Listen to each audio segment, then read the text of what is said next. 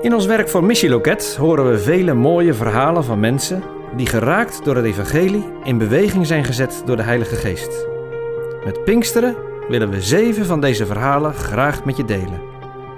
Wie weet worden daarmee nieuwe vuurtjes aangestoken.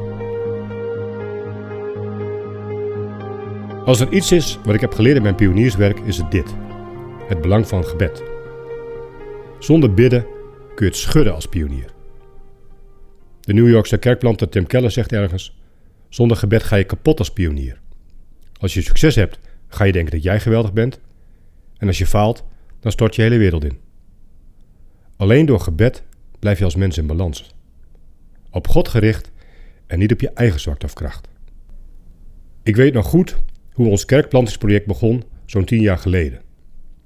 Een enthousiaste groep mensen, een beetje hyper ook, kwam bij elkaar en het eerste wat we deden is: we besloten in de aanloopfase twee van de vier maandelijkse teammeetingen te besteden alleen aan het gebed.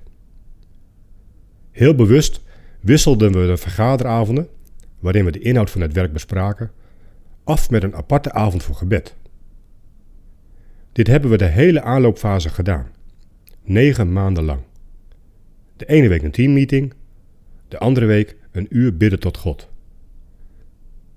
Ik ben ervan overtuigd dat dit ritme, met een cruciale rol voor het gebed, ons heeft gebracht waar we nu staan als project. Ook persoonlijk ben ik steeds meer gaan investeren in het gebed. Ik bad altijd al wel voor mijn werk, maar sinds ik bezig ben met kerkplanting is dit geïntensiveerd. Waarom? Omdat ik meer dan ooit voel dat ik God nodig heb. Pionierswerk is onzeker, hard werken en vaak minimaal qua resultaat, als je menselijk kijkt. Om dat vol te houden, heb je niet genoeg aan je eigen motivatie en passie. Je kunt nog zo enthousiast zijn, maar als je tegenslag krijgt of tegenwerking en dat houdt een tijdje aan, dan is je voorraad energie snel op. Als je dan geen ander vaatje hebt waar je uit kunt tappen, dan geef je er gemakkelijk de brui aan.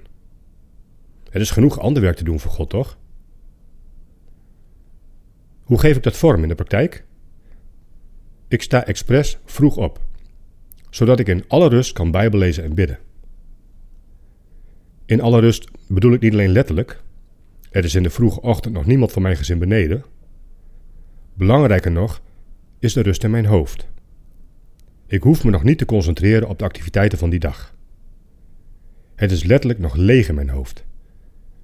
Ik heb zo alle ruimte om me te concentreren op God. Dat eerste moment van de dag, ongeveer een uur, met koffie, anders word ik niet wakker, dat is voor mij steeds meer een heilig moment geworden. Daar bespaar ik nooit op. Hier gebeurt voor mij het belangrijkste in mijn werk en in mijn leven. Het opzettelijk contact zoeken met God. Vanuit de overtuiging dat alleen Hij mij overeind houdt op beide terreinen. In goede tijden en in moeizame tijden. Wat daarbij is gekomen de laatste paar jaar, is het expliciete gebed om de Heilige Geest. Ik ben opgegroeid met de gedachte dat de Heilige Geest in je leven is als je gelooft in Jezus. En dat is ook zo. Maar van de theoloog Martin Lloyd Jones heb ik geleerd om nadrukkelijk te bidden om de krachtige aanwezigheid van de Geest. En uit ervaring kan ik zeggen dat dit mijn geloof verdiept heeft. Ik verwacht meer van God. Ik ben minder gefocust op resultaat. En ik merk meer dan vroeger dat Hij mij bij de les houdt in het volgen van Jezus. Ik heb er eerder last van als ik weer mijn eigen pad kies. Dat is het werk van de Geest. Daar ben ik van overtuigd. Maak dus gebruik van Hem, zou ik zeggen. En laat Pinksteren in die zin ook een wake-up call zijn.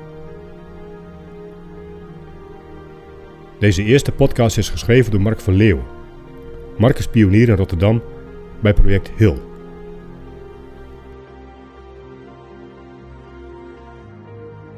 Deze Pinkster-podcast is een initiatief van het Missieloket. Een samenwerking van Verre Naasten, Missiefonds en Kerkpunt. Meer informatie vind je op missieloket.nl